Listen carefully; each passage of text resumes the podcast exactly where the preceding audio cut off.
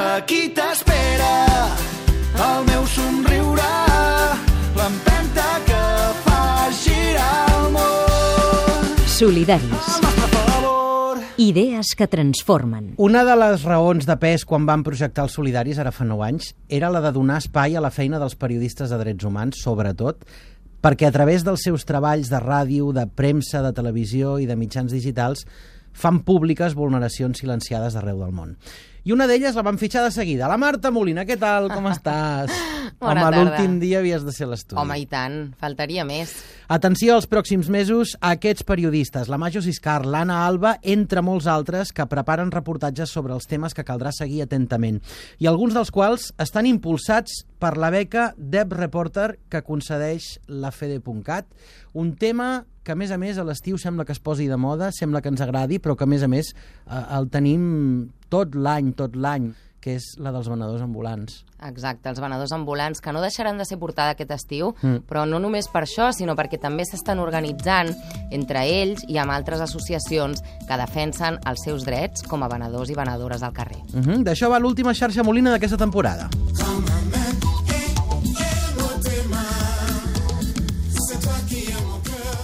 La venda ambulant va ocupar portades de diaris l'estiu passat i tot apunta que aquest estiu també. Esperem des de la xarxa Molina i els solidaris que sigui des d'un enfocament periodístic de drets humans que ens permeti entendre els per què d'aquesta activitat i els seus orígens i conseqüències. Els venedors i venedores ambulant han format el Sindicat Popular de Venedors Ambulant per organitzar-se i reivindicar els seus drets i mentrestant SOS Racisme Catalunya i el seu servei d'atenció i denúncia, el SAIT, no paren de recollir justament denúncies contra venedors ambulant a les portes d'un estiu que segurament serà tens.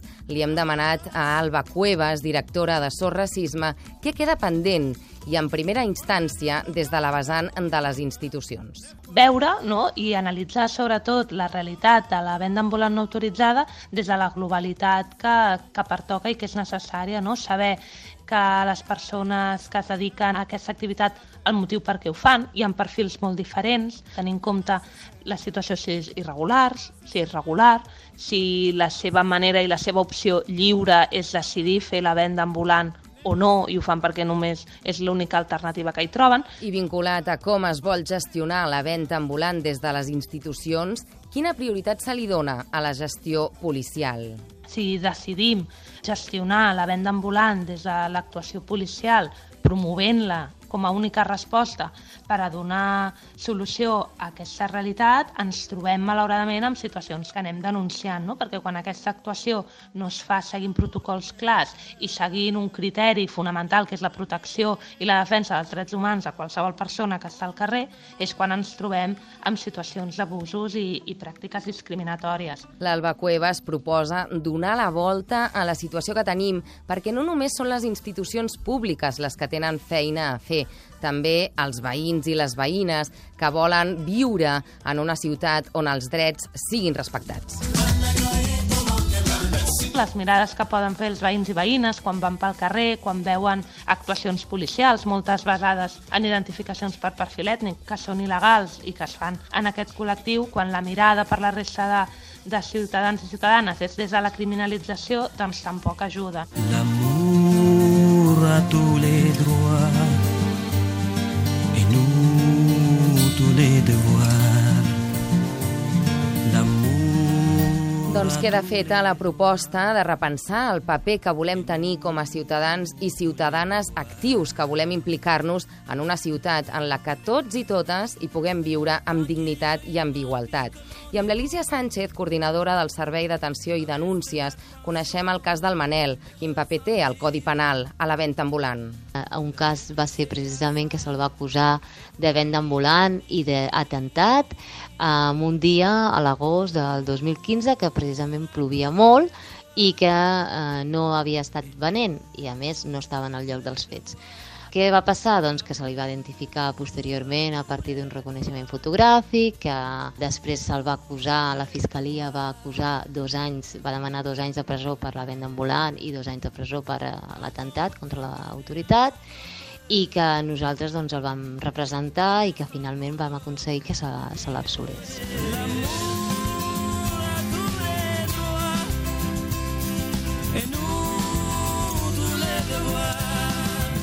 Tot això fa que s'iniciï un procediment penal que Sor Racisme a Catalunya qüestiona.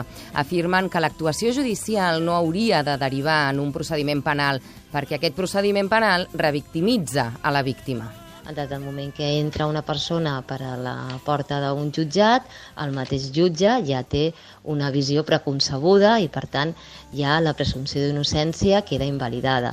Hi ha una presumpció de veracitat per part de, del jutge que otorga a la versió policial i per tant doncs, està vulnerant el dret d'aquesta persona a tenir una protecció i a tenir una possibilitat de defensa adequada i correcta. I a tot això se li afegeix que el Codi Penal es va modificar l'any 2015.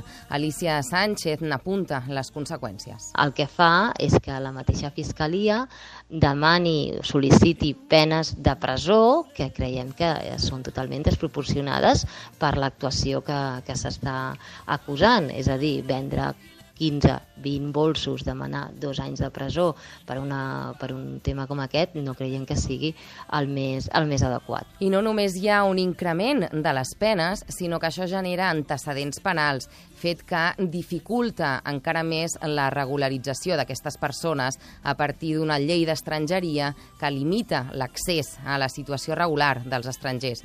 A més, aquestes penes o sol·licituds de condemna poden ser substituïdes per una expulsió del país. Je suis un noir. Ma peau est blanche.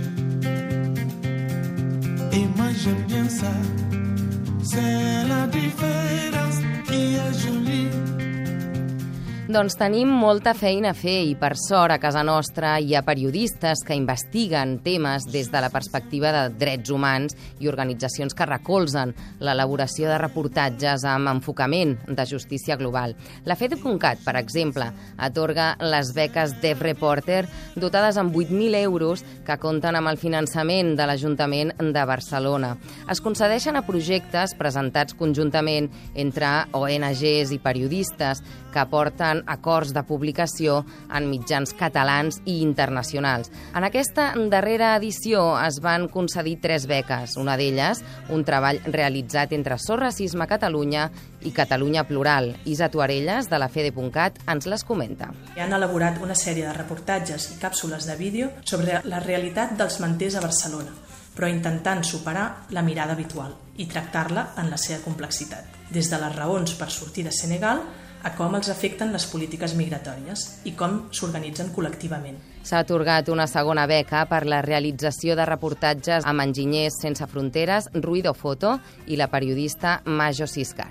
Ens aproparà a la problemàtica de l'accés a l'aigua a El Salvador, a través de diferents exemples de les conseqüències que té la manca d'accés a l'aigua per la població empobrida. Aquest reportatge serà públic a finals de l'estiu. I la tercera beca, un reportatge que tracta a fons la situació dels refugiats. Assemblea de Cooperació per la Pau, Ruido Foto i El Faro treballaran el tema dels refugiats que fugen de la violència, però no la dels conflictes armats tradicionals, sinó de les mares a El Salvador.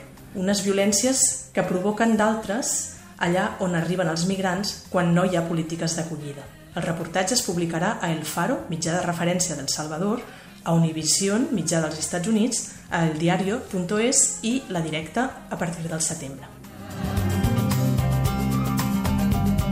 Avui, en aquesta última xarxa Molina, aprofitem per fer una crida a tots els periodistes que, com l'Adrià Bas o la Rita Marzoa, els que van iniciar aquest programa, reivindiquen i creuen en un periodisme rigorós, on es denunciïn situacions de vulneració de drets humans i es doni veu als que cada dia posen el seu granet de sorra perquè tots plegats puguem viure en un món millor, més digne i més just. Incombustible, Molina. Gràcies per estirar, per proposar, per treballar, però sobretot gràcies per aquest somriure que no se t'acaba mai. Gràcies a tu, Adrià. Bon estiu. Bon estiu. A Facebook, a Twitter i a catradio.cat, solidaris, amb Adrià Bas.